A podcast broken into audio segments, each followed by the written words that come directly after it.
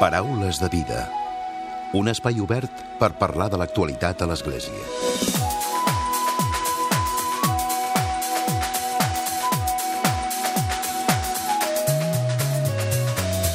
Què tal? Salutacions i molt bon dia, molt bon diumenge i molt bona Pasqua. Per aquest diumenge de resurrecció tenim dues propostes. La primera és per parlar de la nova aplicació per mòbils que ha presentat aquests dies l'editorial Claret de la missa de cada dia, coincidint amb els 25 anys de la seva edició en paper. Per tant, un pas més cap al món digital des de l'esfera religiosa. L'app inclou en les dues llengües, el català i el castellà, els textos litúrgics per totes les celebracions eucarístiques del missal, tant des de l'àmbit general com les, són les pròpies de cada bisbat i també de les principals poblacions. A més, les persones que se la descarreguin al seu mòbil tindran accés també als comentaris sobre els textos bíblics per facilitar la preparació de les homilies o bé per la meditació i pregària personal de l'usuari. De seguida en parlem i ho farem en conversa amb en Joan Bové, que és el director de l'editorial Claret.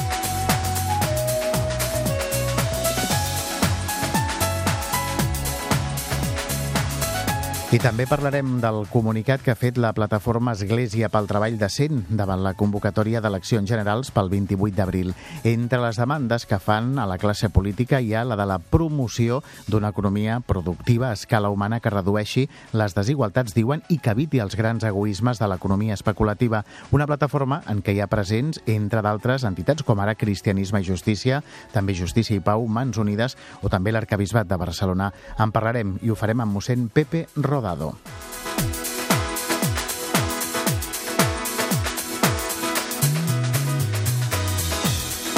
I com sempre, tancarem el Paraules amb el comentari de l'actualitat de Francesc Romeu. Comencem.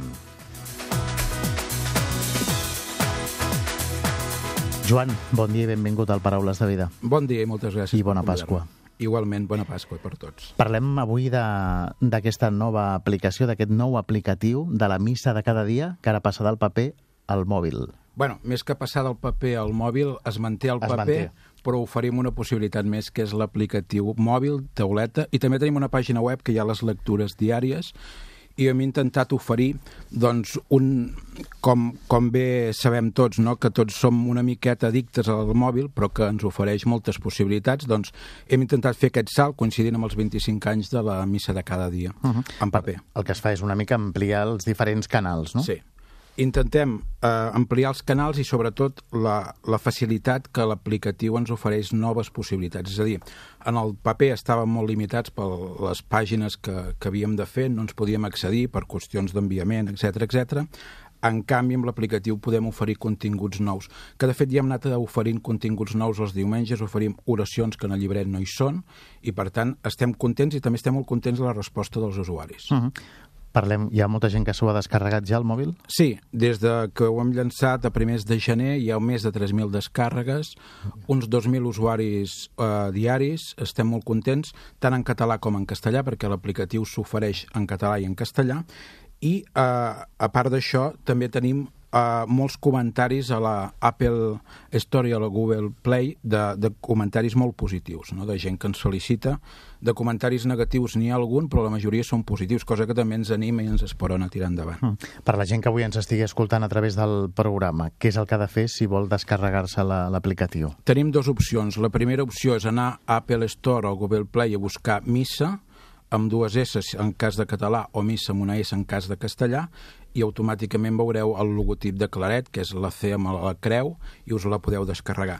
També tenim la possibilitat, si voleu, d'anar a la pàgina web missadecadadia.cat i allà també hi ha els enllaços per fer la descàrrega. Uh -huh. Un cop l'hagueu descarregat, teniu l'opció de la versió gratuïta o la versió premium. La versió gratuïta et permet accedir només a les lectures de cada dia a l'Evangeli i al Salm, i la versió Premium t'ofereix tot el contingut, el mateix contingut que llibret, amb ampliacions, com deia abans. És a dir, l'oració col·lecta, els prefacis, molt pensada també pels mossens i sobretot pel públic que té ganes de pregar, perquè cada dia oferim el santoral del dia i una pregària del dia que coincideix, doncs, amb el, amb el text evangèlic habitualment. Uh -huh.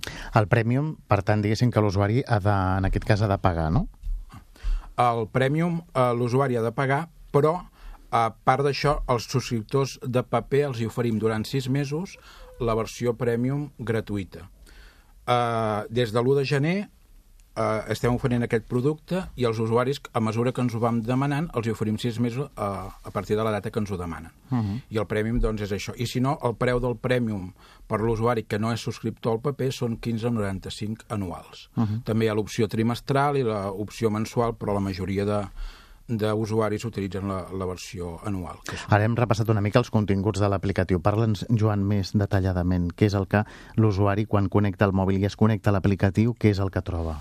Uh, L'usuari el que pot veure bàsicament quan entra, a part de la pàgina de registre que només li apareixerà la primera vegada, una vegada dintre uh, pot, té un menú que hi apareixen amb una fotografia i a sota les lectures, ai, el, la missa de tots els dies. Per exemple, avui que som dimecres 17, doncs avui ens apareixeria la missa del dia, dimecres sant. Si hi ha més d'una missa, per exemple, hi ha una memòria lliure, doncs ens apareixerien les dues. Si és memòria lliure, doncs Sant Agustí i dimecres de la quarta setmana durant l'any. Doncs serien aquestes dues que apareixen.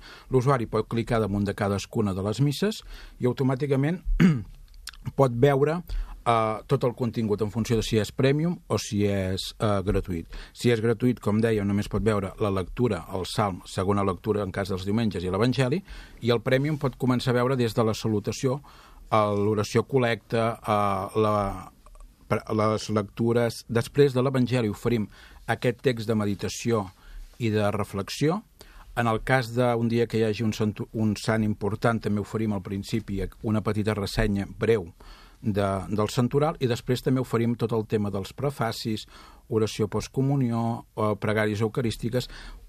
L'aplicatiu està molt adreçada per l'usuari el fidel que, se, que vol seguir la missa perquè només passant de pàgina té tots els passos de la missa i ho pot anar seguint perfectament. I també està molt adreçada als sacerdots que celebren la missa.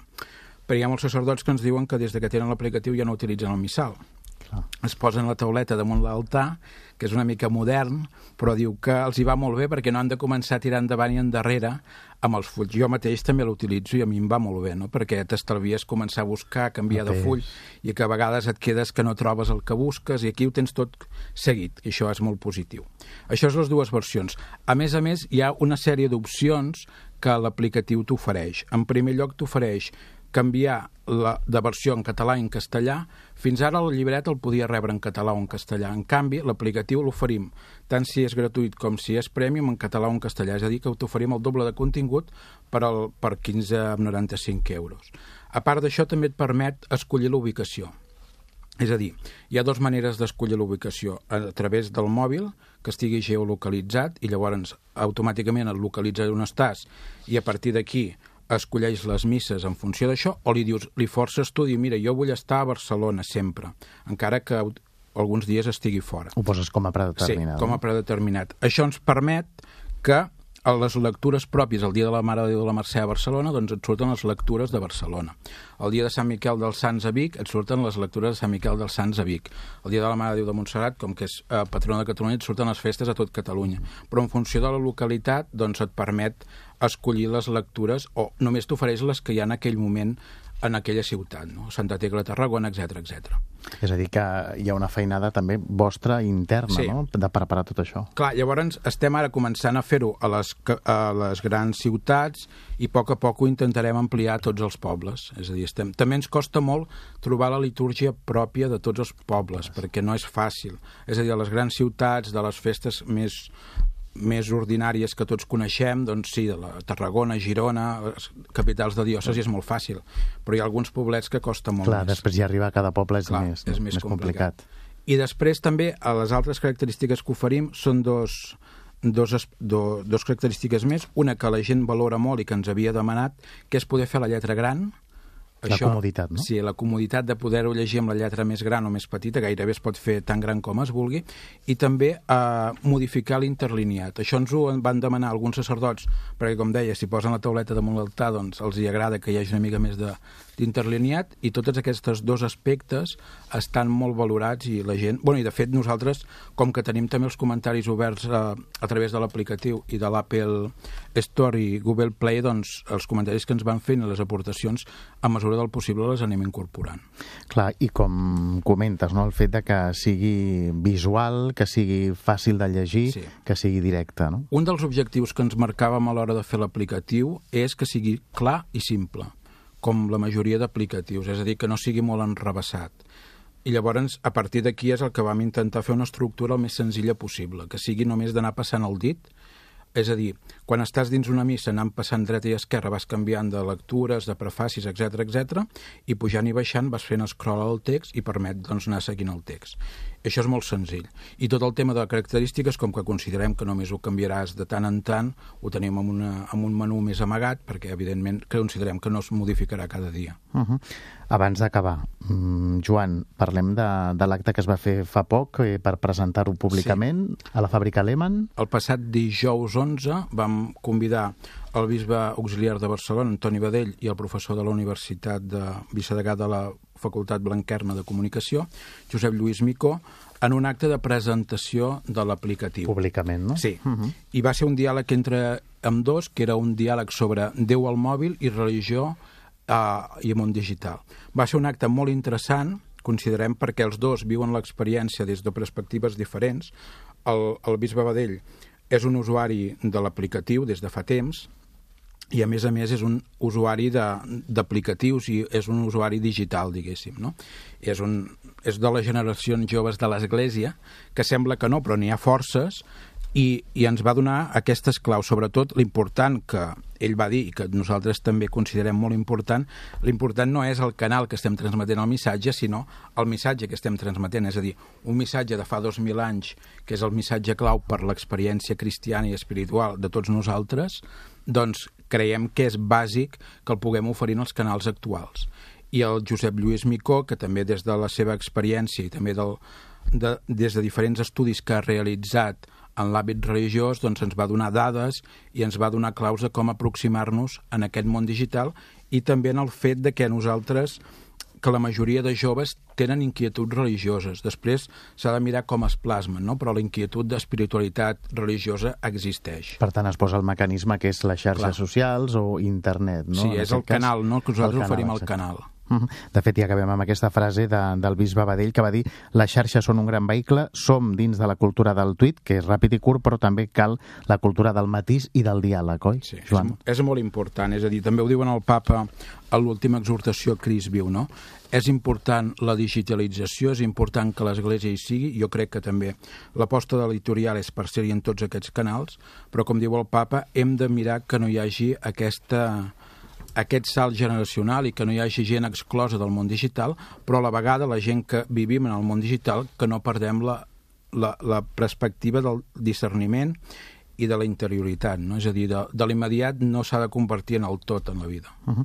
Mossèn Joan Bové, director de l'editorial Claret, gràcies avui per haver-nos acompanyat i bona Pasqua. Moltes gràcies i bona Pasqua. Paraules de vida. Un espai obert per parlar de l'actualitat a l'Església. I el nostre segon convidat és mossèn Pepe Rodado, a qui ja saludem. Molt bon dia i bona Pasqua.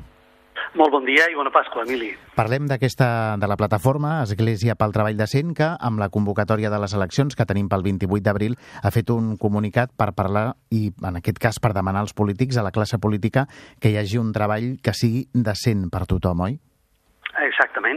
Sí, sí, creiem que és una bona ocasió eh, de cara als polítics i també de cara als electors davant de tanta propaganda que en què pràcticament s'ha convertit la, les campanyes electorals, que a més a més d'altra banda són interminables, la gent es pot perdre, no? I llavors nosaltres, des de la nostra preocupació com a plataforma d'Església pel Treball Decent, les diferents entitats que, le, que hi participem, doncs volem cridar l'atenció sobre alguns aspectes que creiem capdals en la vida, eh? no en les teories, sinó en la vida i la repercussió en la vida de les persones. Uh -huh. Hi han diferents propostes no?, que es fa a través del comunicat que, que heu difós? Exactament. Són concretament sis. Eh? Hem volgut eh, que fossin el màxim de concretes possibles, precisament davant de, de la generalització que molt sovint es comparteixen les propostes que fan els partits. No? Eh, i to, eh, algunes d'elles, eh, com són molt, molt breus. La primera és promoure una economia productiva eh, davant d'aquesta economia creixent especulativa, de les finances, no? que, que, que sembla que són números i les persones són també tractades com a números, creiem que eh, doncs la poten potencial economia productiva a, a escala humana, que arribi a les persones, per justament per intentar que sigui una eina contra la desigualtat creixent, que d'altra banda un procés que, sembla, que semblaria que és imparable, però que nosaltres evidentment no estem gens d'acord. No? Uh -huh. uh, aquesta seria una de la, la, la, les primeres, de les primeres, la primera també la de reformar la negociació col·lectiva per poder repartir prosperitat i, en aquest cas, superar limitacions, dieu, de la crisi que va començar l'any 2008 i amb la reforma laboral i les conseqüències que ha tingut, no? Seria el segon a, punt. Aquest seria un altre punt, no? Creiem que el, el diàleg col·lectiu, no?, entre la intervenció de tots els agents que intervenen aquí, tant l'administració com, evidentment, els treballadors com els empresaris, eh, la, la negociació col·lectiva és fonamental. Eh, per trencar aquesta inèrcia, aquesta dinàmica dinàmica que s'ha creat de que les negociacions són individuals. No? Uh -huh. Llavors aquí es pot, com de fet es dona, no? Eh, en un mateix lloc de treball, les condicions salarials, de condicions eh, de garanties, etc etc són molt diverses perquè les negociacions són eh, són, són individuals i, clar, evidentment, una persona no té la capacitat no té la força, la força uh -huh. eh, per, per poder negociar unes millors condicions, no? I això és un drama que té unes conseqüències enormes i que la crisi s'ha aprofitat per trencar aquesta negociació col·lectiva i la reforma laboral ha sigut una eina que ha, aprofund, ha ajudat a aprofundir en aquesta dimensió. Mm -hmm. Exacte. El tercer, que és fer aflorar l'economia informal i el treball irregular. Sí, això, tot el que és el que diem popularment, no, l'economia submergida, no, el treball informal, doncs això és un fet. Eh? Els números són difícils, sempre les estadístiques, precisament pel seu, pel seu, per la seva essència, no?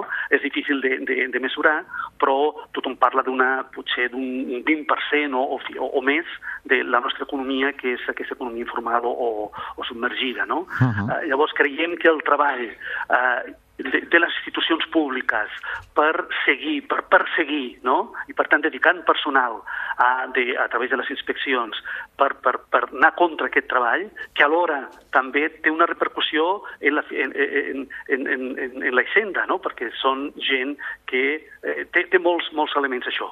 D'una banda, deixen d'aportar a la bossa comuna, que seria hisenda, però alhora també doncs, deixa després de tenir repercussió de cara a les jubilacions, de cara a les prestacions socials, perquè sembla que aparentment no hi compta, no?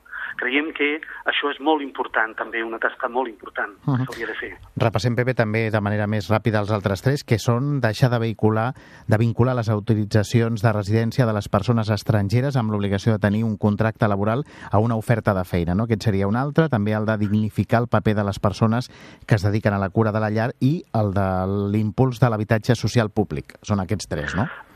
Exactament. Jo, eh, aquests tres, tres elements estan molt, molt vinculats i, tenen una presència molt important al, al món del treball de, i de les persones treballadores. Llavors, eh, la qüestió dels, de, dels sense papers, que diguem, no? de les persones que no tenen la seva eh, situació eh, administrativa regularitzada. És un autèntic drama el posar aquesta condició de tenir una oferta de treball d'un any no? per, per poder adquirir la, uh, els papers de ciutadania. No? I mm. això deixa una situació de vulnerabilitat i de pobresa i fins i tot la gent que ho ha tingut després la deixa de tenir, que és precisament la, la, la, la, la sobrevinguda, la, la situació irregular sobrevinguda, doncs encara aprofundeix en aquesta situació. L'habitatge, que està tan profundament lligat eh, a, als preus, aquesta bombolla que torna a, a, a créixer, créixer, no sabem fins a on, però que impossibilita precisament la gent, de la gent més vulnerable de poder perquè ni les, si estan a l'atur o si estan en situacions de precarietat, poder assolir o tant el lloguer com l'habitatge social, això és un drama que és, és, és un drama circular. Uh mhm. -huh. Una causa remet a l'altra i l'altra a la següent i, i sembla que és difícil és, eh, de, de trencar. Doncs... Que això... bueno, són, són diferents punts molt concrets que creiem que haurien de parar molta atenció que des de la plataforma volem insistir, tant els, a, als que tenen algun paper no? en això, Important. els polítics, uh -huh. com de cara a la mateixa gent. Els que... electors, exacte. Sí. Els electors. Volia acabar amb això, perquè els electors el que demaneu també és responsabilitat a l'hora de votar. Exacte, que es tingui en compte no només la, la, la, altres elements, sinó tot allò que afecta la seva vida, quines són les propostes concretes, uh -huh. de quina manera, què fan, que aquests siguin un, no l'únic, però els criteris fonamentals a l'hora de decidir el seu vot. Mossèn Pepe Rodado, gràcies i bona Pasqua. Igualment, bona Pasqua. Paraules de vida amb Emili Pacheco. I acabem, com sempre, amb el comentari de l'actualitat de Francesc Romeu. Francesc, bon dia i bona Pasqua. Molt bon dia a tothom i molt bona Pasqua. En motiu avui d'aquest diumenge de Pasqua i com a periodista apassionat que sóc per l'actualitat i els fets que la configuren, molt sovint reduïts a simples imatges, us volia parlar d'algunes fotografies d'aquests dies que encara conservo en la meva retina – la primera és de dilluns passat a la nit. Tots vam poder veure cremar la taulada de la bonica catedral de Notre-Dame de París, un dels monuments històrics més visitats del món, amb unes arrels que s'enterren al costat del riu Sena més enllà del segle XII. Poc o molt, amb més sensibilitat o menys, molts van dir amb tot l'encert que cremava el cor d'Europa. I és cert, com també és cert que a vegades aquest cor d'Europa sembla massa insensible quan es cremen esglésies d'altres llocs del món o quan s'ofeguen tantes persones per poder arribar a les nostres costes. Plorem en París quan veiem que els nostres referents se'ns cremen i plorem també amb el món per no fer-nos tan insensibles. La segona imatge que no em puc treure del cap des de la setmana passada al Vaticà, a Roma, a Itàlia. Veig el papa Francesc agenollat a terra donant un petó als peus dels quatre líders polítics del Sudan del Sud, un gest mai vist. Tot i que aquest dijous sant, com cada any, hem tornat a veure el papa Francesc agenollat davant de 12 presos d'una presó romana, basant-los-hi els peus en el ritual del lavatori dins de la celebració de la missa del Sant Sopar. Però, però és clar, una cosa és la liturgia i una altra és una recepció oficial. I en això el papa Francesc ens ha tornat a sorprendre a tots, amb una imatge evangèlica del propi Jesús, però fora d'un context litúrgic. Alguns potser pensen que va ser una acció improvisada del papa, però jo em resisteixo a creure-ho. Va ser una acció molt pensada i, sobretot, acompanyada de la paraula. Expliquem els fets el papa francès va convidar a la seva residència de Santa Marta, al Vaticà, a un recés de dos dies, el dimecres i dijous 10 i 11 d'abril, les màximes autoritats civils i religioses del Sudan del Sud, seguint una proposta feta per l'arcabisbe anglicà de Canterbury, Justin Welby. Per tant, ens trobem amb un encontre ecumènic i diplomàtic, entre la reflexió, la pregària i la recerca de reconciliació i la pau, i amb un esperit de respecte i de confiança. En el seu discurs, al final del recés de dos dies, el papa va dir que els meus pensaments es dirigeixen principalment a les persones que han perdut els seus éssers més estimats i les seves llars, a les famílies que s'han separat i mai més s'han tornat a trobar, a tots els nens i ancians, a les dones i homes que sofreixen terriblement a causa dels conflictes i la violència que sembra la mort, la fam, el dolor i les llàgrimes. Amb tot, el papa va afirmar que mai em cansaré de repetir que la pau és possible, tot desitjant que tothom sàpiga acollir la més alta vocació de ser artesà de la pau, en un esperit de fraternitat i solidaritat amb cada membre del nostre poble, amb un esperit noble, recte, ferm i valent en la recerca de la pau, a través del diàleg, la negociació i el perdó. Per acabar, el papa els va exhortar a buscar allò que els uneix, a partir de la pertinença al mateix poble, i superar tot allò que els divideix. Doncs, va puntualitzar, la gent està cansada i esgotada per les guerres passades. Recordin que amb la guerra es perd tot. La gent avui anela un futur millor, que passa per la reconciliació i la pau. Diuen que el papa, després d'aquest gest de genollar-se i de besar-los i els peus al president del Sudan del Sud, Salva Kiir, i a quatre dels seus vicepresidents, els hi va dir que a partir d'ara discutissin, però que no ho fessin mai més davant de la gent, sinó al seu despatx. Una altra fotografia del papa francès que no em puc treure del cap, també de fa pocs dies, va ser en la recepció al santuari de la Mare de Déu de Loreto, a Itàlia, quan es negava repetidament a que la gent li besés la mà o li donés un petó a l'anell, expressió d'un gest d'homenatge, de submissió o d'acatament. de la mateixa manera que ell no permet que ningú s'agenolli davant d'ell.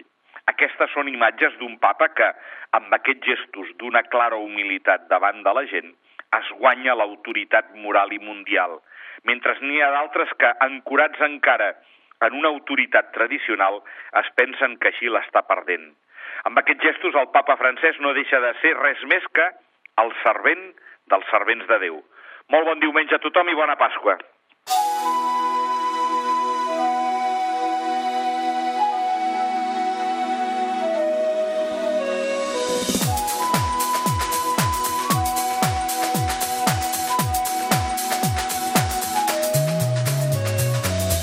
Fins aquí el Paraules d'aquesta setmana d'aquest diumenge. La Rosa Silloé ha estat el control tècnic i qui us ha parlat, l'Emili Pacheco. Que passeu bon diumenge i molt bona Pasqua.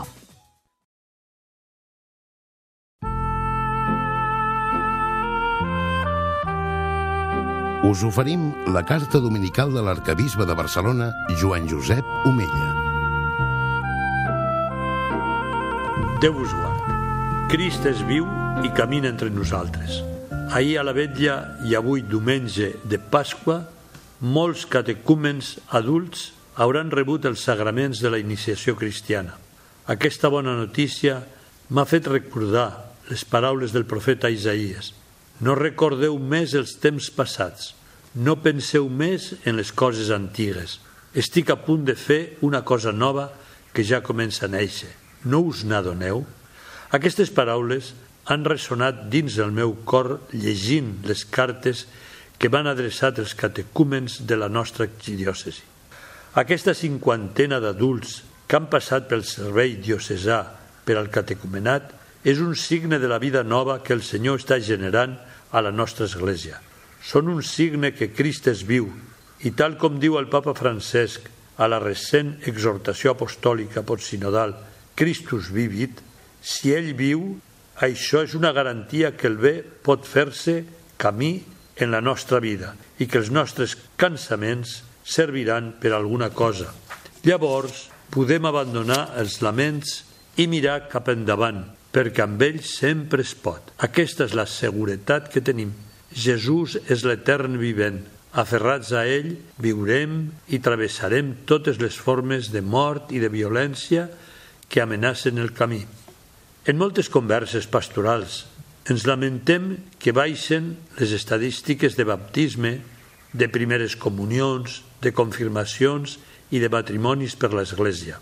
Sembla que això s'acaba, i és veritat que baixen les estadístiques, però augmenten les conversions.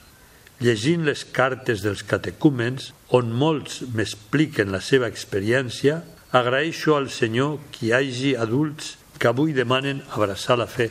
M'ha impressionat el testimoni d'alguns que venen d'una educació on la fe cristiana ha estat totalment absent.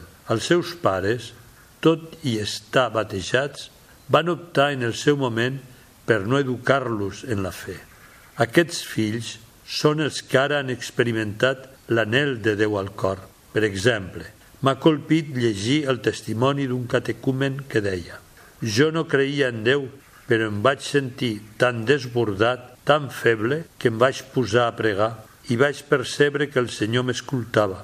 A la tercera vegada que això em va passar, vaig veure que havia de fer un gest cap a Déu i vaig pensar que potser havia de batejar-me. Certament, el Senyor ens sorprèn. Alguna cosa nova està naixent.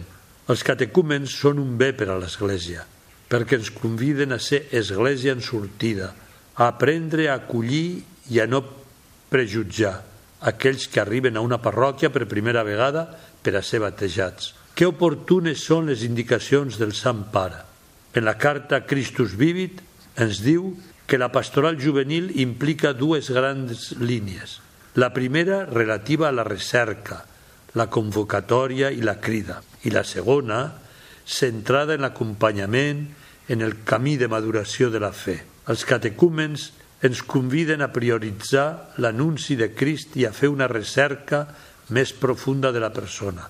Acollir és proposar camins de creixement i maduració en aquesta fe inicial, perquè puguin descobrir que el Senyor els estima infinitament i sentir-se part de la gran família de l'Església. Benvolguts germans, bona Pasqua. Realment el Senyor ha ressuscitat, és viu. Aleluia. Us hem ofert la carta dominical de l'arcabisbe de Barcelona, Joan Josep Omella.